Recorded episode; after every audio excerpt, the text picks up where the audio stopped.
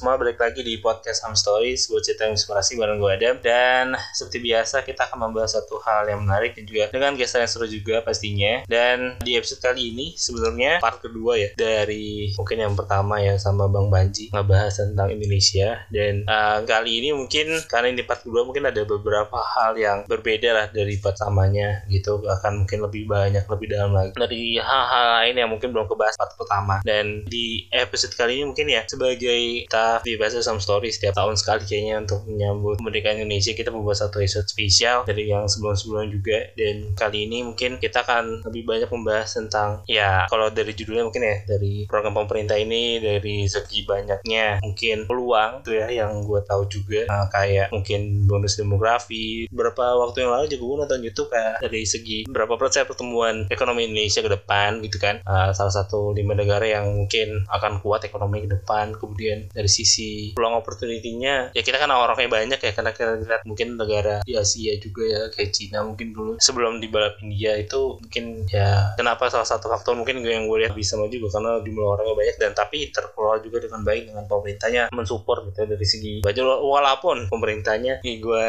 nilai uh, lumayan gak tahu sih bisa dulu transpansif atau enggak ya. Terus juga mungkin tapi juga dari banyaknya peluang yang ada itu kayak um, mungkin seperti halnya juga yang diomongin di pertama ya kayak apakah kita harus mikirin cuma dari 45 doang? Seterusnya gimana gitu? Terus dari sisi sekarang aja gitu banyak banget masalah. Kayak misalnya polusi kemudian masalah lagi ya, stunting gitu kan. Kemudian masalah orang yang bersosmed aja gitu ya. Sesimpel bersosmed aja itu nggak ada literasinya gitu kan. Kita juga ini episode ini tanya kita lagi bahas di regular gitu lagi bahas soal netizen hal-hal yang terjadi di sosial media bagaimana netizen itu berperilaku. Jadinya mungkin ya itu sih mungkin lebih banyak. Dan juga mungkin karena guys kita juga berasal dari Indonesia Timur mungkin kita akan banyak juga membahas tentang Indonesia Timur mungkin gitu nanti kayak gitu. Dan seperti biasa kita akan ngobrol dengan geser kita. Ada Bang Abdul Rasyad halo apa kabar Bang? Halo Bang. Adam.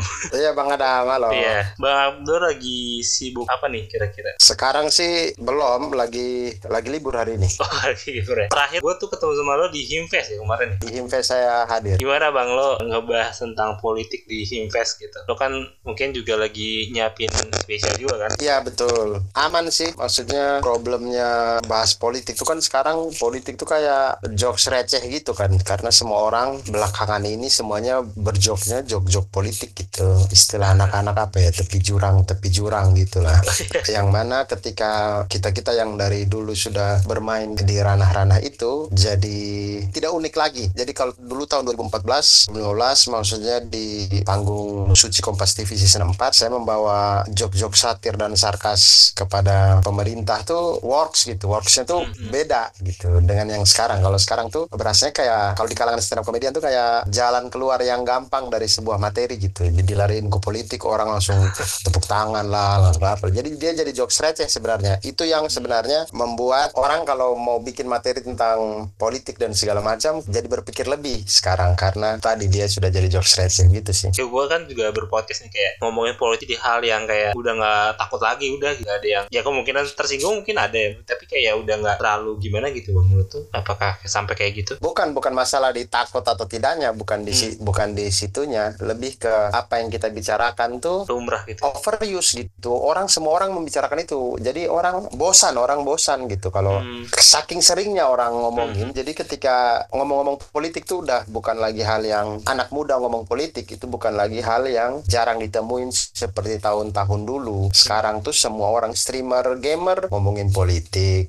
apa istilahnya yeah. tepi jurang lah apalah hmm. kemudian konten-konten kreator anak-anak TikTok, anak-anak IG segala macam juga hmm. dalam video-videonya nyinggung-nyinggung. Jadi ibaratnya kalau kita mau bicara tentang politik, kalau kita tidak punya sudut pandang yang unik dan segala macam, dia jatuhnya orang bosan aja gitu kayak ngapain sih itu dengerin ini lagi kayak gitulah. Itu hal yang menurut lo bagus atau emang kayak ya gimana? Maksud gue kayak turning poinnya kan emang kayak ngomongin politik dari dulu, terutama ke anak muda. Kayak anak muda ini kan sebenarnya melek politik kan gitu. Itu itu jadi hal yang menurut lo bagus. Anak-anak muda ini mulai politik atau justru kayak nih karena udah jadi receh jadi kurang aja gitu? Bagus. Menurut saya semua orang maksudnya banyak orang Hmm. yang membicarakan politik itu bagus. Tapi kemudian nilainya harus dijaga maksud saya. Ketika kita membicarakan perpolitikan atau apa segala macam kalau dia tidak ditambah dengan sudut pandang dan analisa yang baik dia itu jatuhnya kayak obrolan biasa aja yang di mana-mana orang juga bicara begitu. Maksud saya begitu. Bukan bukan di tidak setuju orang jadi banyak bicara politik. Bukan itu saya setuju tapi harus dibarengi dengan bobot bobot pembicaraan yang baik gitu sehingga orang terus mendapatkan insight-insight yang baik gitu.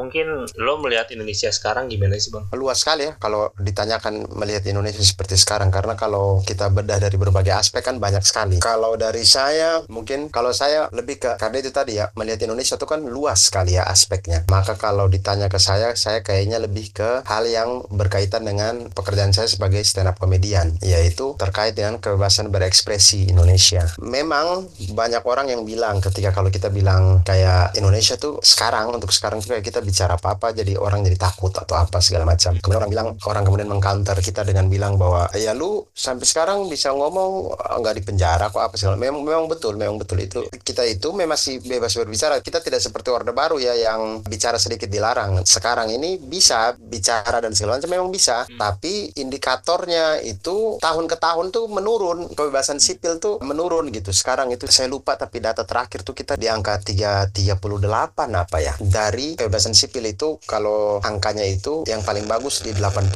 apa ya. Kita tuh di 38 kalau nggak salah. Jadi setengah pun enggak gitu. Yang mana itu kita turun dari tahun ke tahun. Data dari Amnesty International juga begitu. Amnesty Internationalnya Indonesia juga begitu. Banyak kebebasan berpendapat yang memang dibatasi oleh pemerintahan yang sekarang. Jadi emang kayak semenjak apalagi ya tujuannya sebenarnya kan reformasi ya kan? Nah, kita mulai bebas untuk berpendapat pendapat dari yang mungkin orde baru yang mungkin kurang bebas lah gitu. Tapi emang menurut lo dari masyarakat Indonesia sendiri emang sebetulnya udah siap belum sih kayak untuk mendapatkan kebebasan berpendapat itu maksudnya kayak ya kan? Maksudnya dari segi yang dari komen juga kayak gitu kalau lihat ya sosmed kemudian juga ya kayak gitu sih yang gue gue lihat gitu. Makanya mungkin dibuat supaya lebih kurang agak bebas. Maksudnya ya bebas cuman masih ada aturan-aturan yang menjaga gitu. Iya betul, makanya menurut saya kita kan punya undang-undangnya gitu, undang-undang untuk Hmm. bagaimana mengatur kita bersosial media dan segala macam undang-undang ITE itu. Tapi yang jadi permasalahannya menurut saya harusnya ketersinggungan itu kan ini ini saya tidak terlalu paham hukum ya teman-teman, tapi nanti teman-teman yang mendengarkan bisa memberikan komentar dan feedback gitu. Harusnya ketersinggungan itu dan memang kayaknya begitu deh, kayaknya diatur deh, kayaknya ketersinggungan itu dia masuknya tuh kan delik aduan oh iya dia bukan pidana. Jadi, semisal ada orang yang membicarakan saya misalkan, kemudian saya tersinggung, yang bisa melaporkan itu adalah saya pribadi. Saya mengadukan itu delik aduan. Tidak bisa ketika saya dihina atau apa gitu, yang sayanya biasa saja, yang ngaduin orang lain gitu. Itu nggak bisa gitu. Harus orangnya gitu. Nah, yang terjadi di beberapa hal belakangan ini kan nggak gitu. Yang diomongin adalah si A, yang itu pun tidak serang personal ya, biasanya karena kinerjanya, karena apanya, karena apanya gitu. Memang itu dia tadi ketersinggungan itu tidak punya batas yang kayak kita masuk masjid ada batas, Batas lepas suci. sendal dan tidak Iya. gitu. Iya. Artinya sangat sangat jelas lepas sendal di mana, pakai sendal di mana gitu jelas sekali gitu. Ketersinggungan kan enggak. Ketersinggungan balik ke perasaan orang masing-masing gitu. Nah, makanya dia masuknya harusnya delik aduan tuh. Kalau kita ngobrolin si A, harusnya si A-nya yang melapor. Kalau si A-nya itu tiba-tiba pidato kemudian bilang dia berjiwa besar, berlapang dada dan segala macam, memaafkan segala macam, tapi kenapa ada orang lain yang melaporkan pakai atas namanya dia? Itu tidak boleh harusnya. Iya, jadi betul saya setuju bahwa dengan masyarakat kita yang sekarang ini maksudnya bukan masyarakat secara garis besar tapi maksudnya ya yang kita lihat bagaimana interaksi mereka di sosial media yang gampang sekali mengeluarkan kata-kata tidak etis dan segala macam menghina orang dan segala macam. Nah, itu jatuhnya kita atur dengan delik aduan itu tadi. Maksudnya orang yang kalau kayak Deddy Corbuzier dulu dikatain kemudian dia merasa tersinggung, dianya yang melaporkan. Tidak bisa Deddy Corbuzier misalkan dihina yang lapor Pras Teguh gitu. harusnya harusnya nggak gitu. Itu sih. gue setuju soal emang ketersinggungan itu jadi kayak ya itu sih. Emang gak ada batasnya gitu ya. Dan tergantung orangnya bakal tersinggung atau jadi susah banget walaupun dibuat aturan juga sih ya. Iya. Balik lagi soal kita kan sebenarnya ngomongin soal dari tema kita itu soal Indonesia emas dari 45 kan. Dan lo melihat tentang program ini gimana? Kayak kalau di episode sebelumnya semua mengaji ya sekedar gagasan aja gitu. Karena dari dulu di episode sebelumnya kayak ada SDGs kan. Kalau zaman sekarang SDGs kalau nggak salah ada dulu tuh ada Millennium Development ya kalau nggak salah. Terus habis itu SDN muncul nih Indonesia emas 2045 gitu. Apakah ini hanya sekedar gagasan dan ya kenapa kan juga setelah 2045 kita ngapain gitu kan? Setelah mungkin gagasan ini jadi misalnya kalau misalnya jadi nih melihat tentang gagasan ini gimana kira-kira? Saya sejujurnya sih tidak pernah baca dengan detail ya masalah Indonesia emas 2045 ini. Tapi di berbagai kegiatan dari berbagai bidang gitu. Dari pendidikan ngomong soal Indonesia emas 2045 dari segi perdagangan juga ngomong Indonesia emas 2045 pokoknya dari berbagai aspek bidangnya Indonesia itu diomongin tentang Indonesia emas 2045 ekonomi segala hal ekonomi pendidikan kesehatan segala macam semua itu ngomong Indonesia emas 2045 tapi kemudian 2045 itu kan tidak terlalu jauh dari sekarang ya. Kalau kita sampai di 2025 berarti 20 tahun lagi gitu. Yeah. membangun peradaban dalam jangka waktu 20 tahun itu saya sih pesimis sih melihat melihat apa yang sedang terjadi sekarang gitu. Kalau saya saya pesimis kita Indonesia emas 2045 maksudnya ibaratnya wacana besarnya kita berkembang dan eh, jangan berkembang deh maksudnya kita maju dalam segala aspek gitu ekonomi kesehatan maupun pendidikan dan segala macam itu nah saya pesimis kalau melihatnya sekarang karena kayaknya kita tidak ke arah sana gitu. Hal-hal yang kalau kita mau ke arah sana harusnya pondasinya kelihatan tuh sekarang. Oh iya kalau di bola kayak gaya main lah ya. Iya iya. Harusnya pondasinya tuh kelihatan dari hmm. sekarang tuh karena membangun peradaban itu apalagi segede Indonesia ini 20 tahun tuh waktu yang singkat loh. Ya taruhlah 25 tahun lah. 25 hmm. tahun dari sekarang itu waktunya sangat singkat itu. Nah itu saya tidak melihat tanda-tandanya sekarang kalau hmm. pondasinya harus ada sekarang. Misalkan dengan keterjaminan lapangan pekerjaan. Untuk bonus demografi banyak tapi kalau kerjaannya tidak ada ngapain juga gitu. Itu. Kemudian kualitas kesehatan masyarakat kemudian sektor ekonomi kita bagaimana UMKM UMKM itu tidak terdorong ke sana juga karena menurut saya banyak juga yang digilas sama eh, impor-impor yang dilakukan negara dan segala macam. Jadi terkait Indonesia kalau ditanya Indonesia 2045 saya pesimis karena saya tidak melihat pondasinya itu sekarang gitu sih. Jadi emang pondasinya aja kita tuh kayak orang tuh cuman istilahnya ya menggagas-gagas aja nih gitu. Tapi dari segi actionnya untuk bangun fondasinya itu masih belum kelihatan gitu ya. Iya iya. Mungkin ada yang lebih tahu tapi kalau hmm. mungkin ada yang lebih tahu soal hmm. oh sudah begini kok sudah begini kok. Iya tapi saya sebagai orang awam belum merasakan belum merasakan ada ada pondasi kita ke arah sana gitu. Berarti mungkin pertanyaannya masalah terbesar yang apa yang mungkin paling lo mungkin rasakan dan itu tuh harus benar-benar diselesaikan untuk misalnya supaya gagasan nih gak, gak cuma sekedar gagasan gitu kita juga apa yang kita bisa bantu dan bisa lakuin juga gitu. ya kalau mau bikin gagasan tidak sekedar gagasan dia kembali kepada diri sendiri kan karena kita hmm. kan tidak punya kewenangan untuk menjalankan sebuah gagasan dalam lingkup di luar diri kita gitu maka kalau ditanya apa yang harus kita lakukan balik kepada diri sendiri maka kembangkan diri kita untuk sebaik mungkin semaksimal kemampuan kita untuk bisa membentuk diri kita yang lebih baik dari hari ke hari ketika misalkan semua generasi generasi itu berpikir begitu maka Indonesia akan membentuk sebuah generasi yang memang keren gitu hmm. yang kuat oleh semua orang gitu oleh semua semua anak bangsa ini. Jadi kembali kepada diri sendiri karena kita tidak di dalam posisi untuk membuat sebuah kebijakan atau kewenangan yang itu bisa dijalankan bersama secara bernegara gitu. Yang ya yang bisa kita lakukan yang ngobrol-ngobrol gini nih bikin podcast ngomong-ngomong aja gitu-gitu aja sebenarnya memang. Di stand up pun begitu hanya bisa hanya bisa ngomongin kalau ada yang setuju kita ketawa bareng dan segala macam gitu-gitu saja yang bisa kita lakukan. Itu sih mungkin berarti masalah terbesarnya adalah diri kita sendiri. Maksudnya yang harus pemerintah benarin mungkin dari segi individunya gitu ya mungkin ya. Atau atau gimana gitu. Kalau misalnya di sebelumnya kayak dari pemerintah itu atau pemimpin kita itu harus jadi pemimpin yang bisa menjembatani mimpi atau atau ya mimpi-mimpi anak-anak Indonesia gitu misalnya gitu. Itu itu gimana bang? Mesti pakai seperti itu atau atau gimana? Ya kalau ditanya apakah pemimpin harus menjembatani untuk anak-anak bangsa menggapai cita-cita ya iya. Negara hadir itu kan untuk menjamin keberlangsungan kehidupan anak bangsa warga negara yang ada di situ gitu. Artinya dari apa pun yang dilakukan negara tujuannya itu adalah untuk kemakmuran kedaulatan rakyat keberlangsungan hidup dan segala macam. Hal yang diinginkan sama warga negara. Itu Itu seyogianya kan begitu. Maka kalau ditanya apakah pemimpinnya harus menjembatani dalam hal lingkup kecil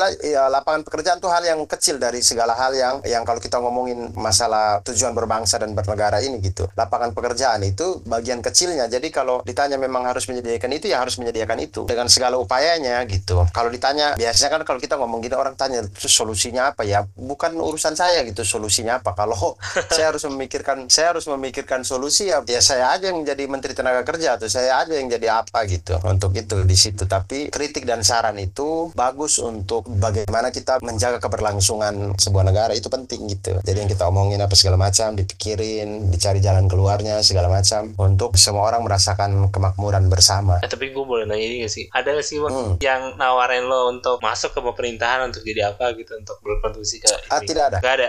Tidak ada tidak ada tidak ada. Belum pernah ya jawaban gitu ya berarti ya? belum belum. Karena emang lo berasal dari Indonesia Timur gitu ya. Apa sih bang yang kita kan sering banget di ramai di sosial media tentang HAM atau gue pernah baca kayaknya di kalau salah di narasi sih kemarin itu beberapa waktu yang lalu lah. NTT jadi salah satu penyumbang perdagangan manusia paling banyak kalau nggak salah. Nggak tahu mungkin teman-teman bisa denger bisa koreksi kalau gue salah gitu ya. Tapi gue ngelihat kayak waduh banget gitu kenapa gitu bisa terjadi seperti itu gitu khususnya di daerah timur gitu kan. Walaupun sebenarnya di di Jawa Timur juga banyak juga sih misalnya yang kayak TKI-TKI yang ilegal kayak gitu. Lo melihatnya gimana bang? Apa aja mungkin permasalahan yang terjadi di Indonesia Timur yang mungkin dinilai mungkin dari dulu pembangunan itu fokus di Jawa lah kayak gitu kan dan mungkin baru zamannya Pak Jokowi yang lebih kelihatan untuk pemerataannya kelihatannya sih kalau katanya sih gitu kan. Menurut saya alasan utama kan kita semua tahu lah tujuan utama orang mau kerja di luar negeri itu pasti karena uang. Kalau bukan karena uang kayaknya orang akan pikir berulang kali untuk meninggalkan keluarga meninggalkan kampung halaman sampai sejauh itu gitu. Jadi pasti pertimbangannya itu pasti ekonomi. Nah kalau pertimbangan tentang ekonomi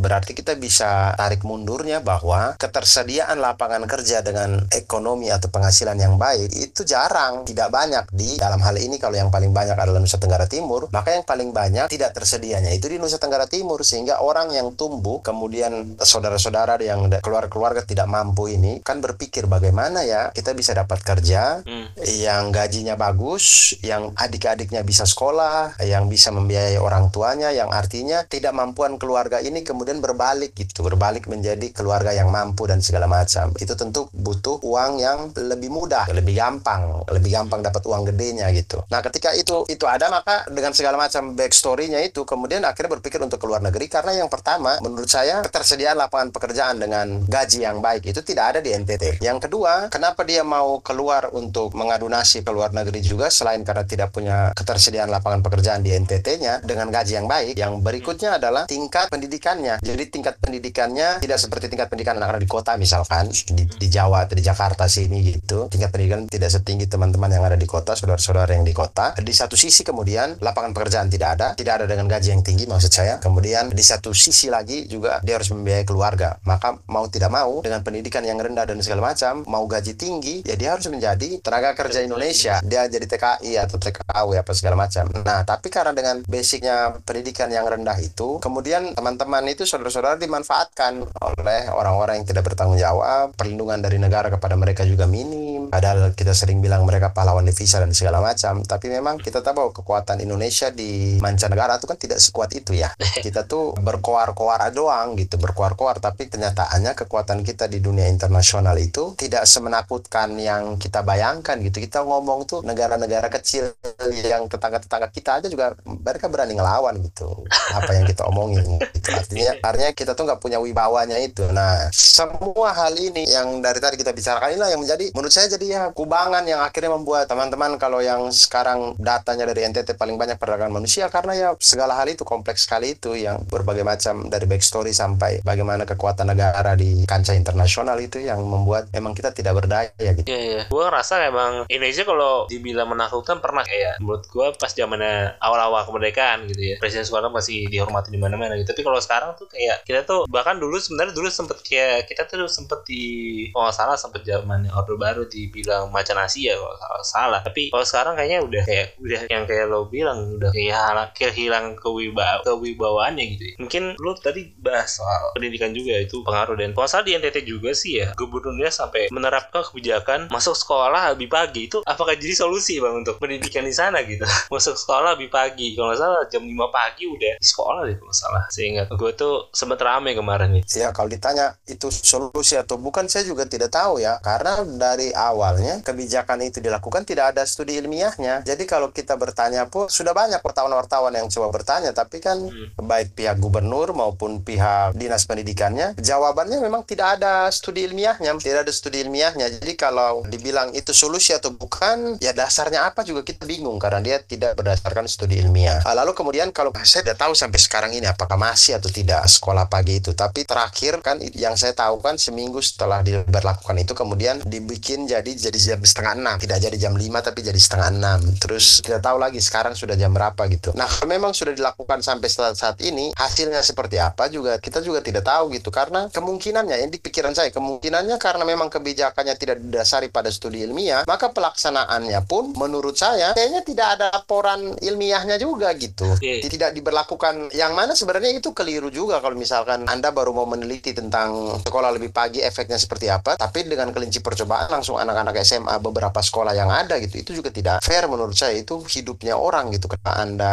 punya dasar ilmiahnya anda lakukan kepada sekelompok manusia gitu. Padahal studi ilmiahnya juga belum ada. Kalau anda mau bikin studi ilmiah ya bikin aja dulu kepada diri anda sendiri. Coba di ini apa segala macam gitu-gitu. Jadi menurut saya kayak kalau ditanya itu solusi atau bukan dari kacamata akademisnya. Saya saya ngerasa kayak itu bukan solusi sih juga merasa juga sih kayak kalau lo pernah mungkin ngikutin isunya tentang di Papua sebenarnya apa sih bang yang terjadi di Papua kenapa isu HAM di sana di fokus utama? Dan bahkan sebetulnya bahkan sampai mungkin gue lihat ikutin Presiden Jokowi sampai ke Papua Nugi nih sampai ke Australia kan dua negara yang mendukung Papua untuk merdeka gitu. Itu kenapa bang di sana itu sampai sebegitunya gitu mungkin isunya? Menurut lo gimana kira-kira? Saya tidak tahu persis kalau permasalahan yang ada di Papua ya. Yang saya tahu sama yang saya tahu sama seperti teman-teman yang lain saya juga tahunya dari pemberitaan dan segala macam. Dan di setiap daerah dia beda-beda tuh. Di setiap daerah permasalahannya beda-beda. Ada yang karena tanah adat tanah adat diambil apa segala macam gitu. Hmm. ada yang kemudian tentang kesenjangan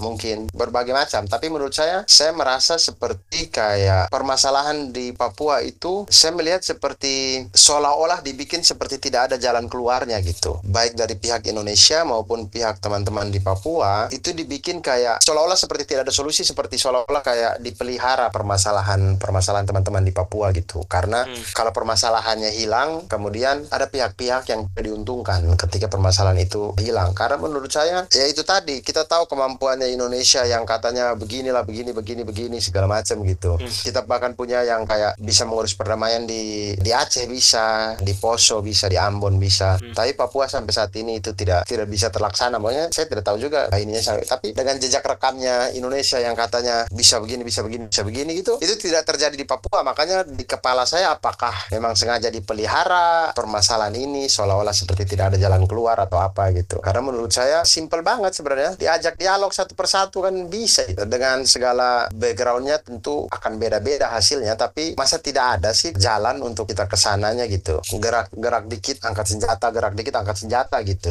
Indonesia dalam hal menghadapi aspirasi teman-teman di Papua gitu. Itu sih menurut saya. Jadi ketika dia sudah jatuh korban kan akhirnya jadi lebih sulit pembicaraan. Pembicaraan itu akan jadi lebih sulit karena nyawa sudah hilang kan. Bagaimana cara menyembuhkan luka daripada anak yang melihat ayahnya meninggal kakak yang melihat adiknya meninggal adik yang melihat kakaknya meninggal? Itu gimana cara kita ngobatinnya? Dan itu di dua pihak baik yang Indonesia maupun yang di teman-teman di Papua gitu. Bagaimana cara kita mengobati itu? Nah karena menurut saya itu tadi kayak dibikin seolah-olah seperti tidak ada jalan keluar kayak rumit sekali gitu. Jadi hmm. sampai kita berada di titik yang seperti sekarang. Iya mungkin sekian banyak kasus HAM yang dari tahun berapa ya? Kasus HAM itu yang nggak kelar-kelar dari tahun dari zaman Soekarno itu baru juga. Banyak sekali kasus HAM yang mungkin seperti yang ya udah gitu. Mungkin pelakunya ditangkap tapi dalangnya itu yang mungkin nggak bisa ditangkap gitu ya. Itu yang gue dapet sih ya dari pemberitaan yang ada juga gitu dan yang gue baca juga. Nah mungkin terakhir sih bang. Pesan buat teman-teman yang mendengarkan ini untuk mungkin ya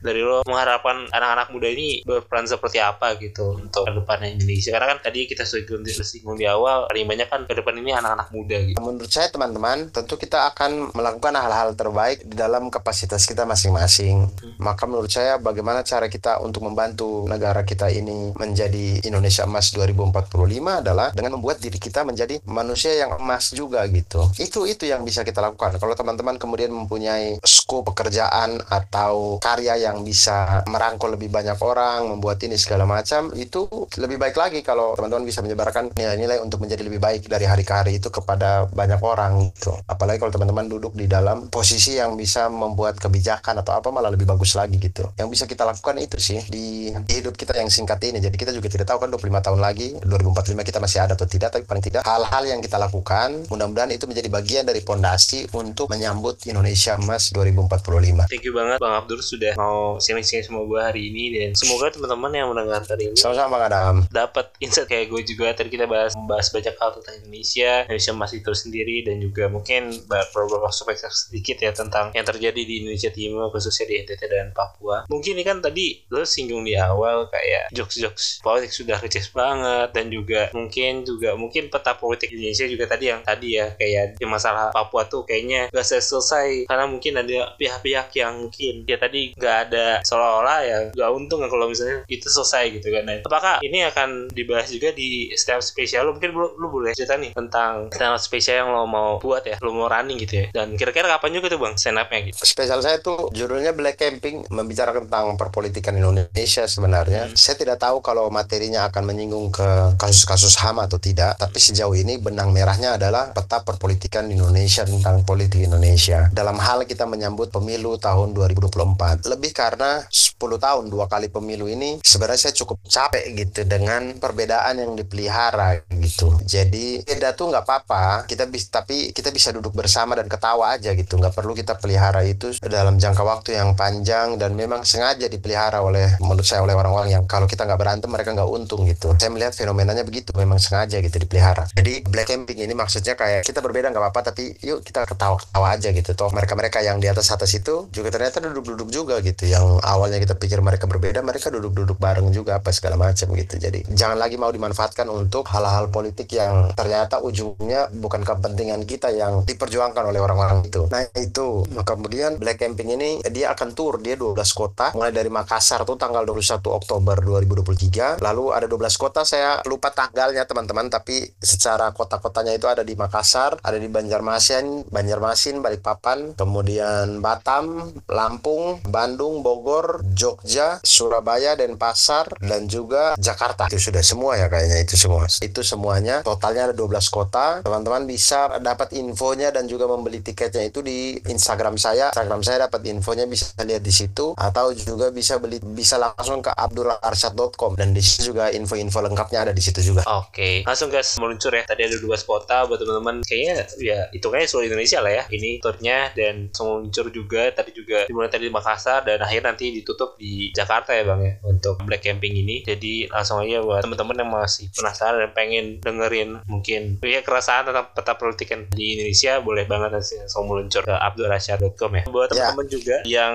ingin bekerjasama atau ada ide untuk podcast story selanjutnya bisa banget bisa up on Instagram di @podcast underscore story dan juga bisa melalui email kita di podcastsamstory@gmail.com dan thank you buat teman-teman semua yang sudah mendengarkan podcast Story episode spesial bersama Bang Abdur and see you on the next episode. Dadah! Thank you.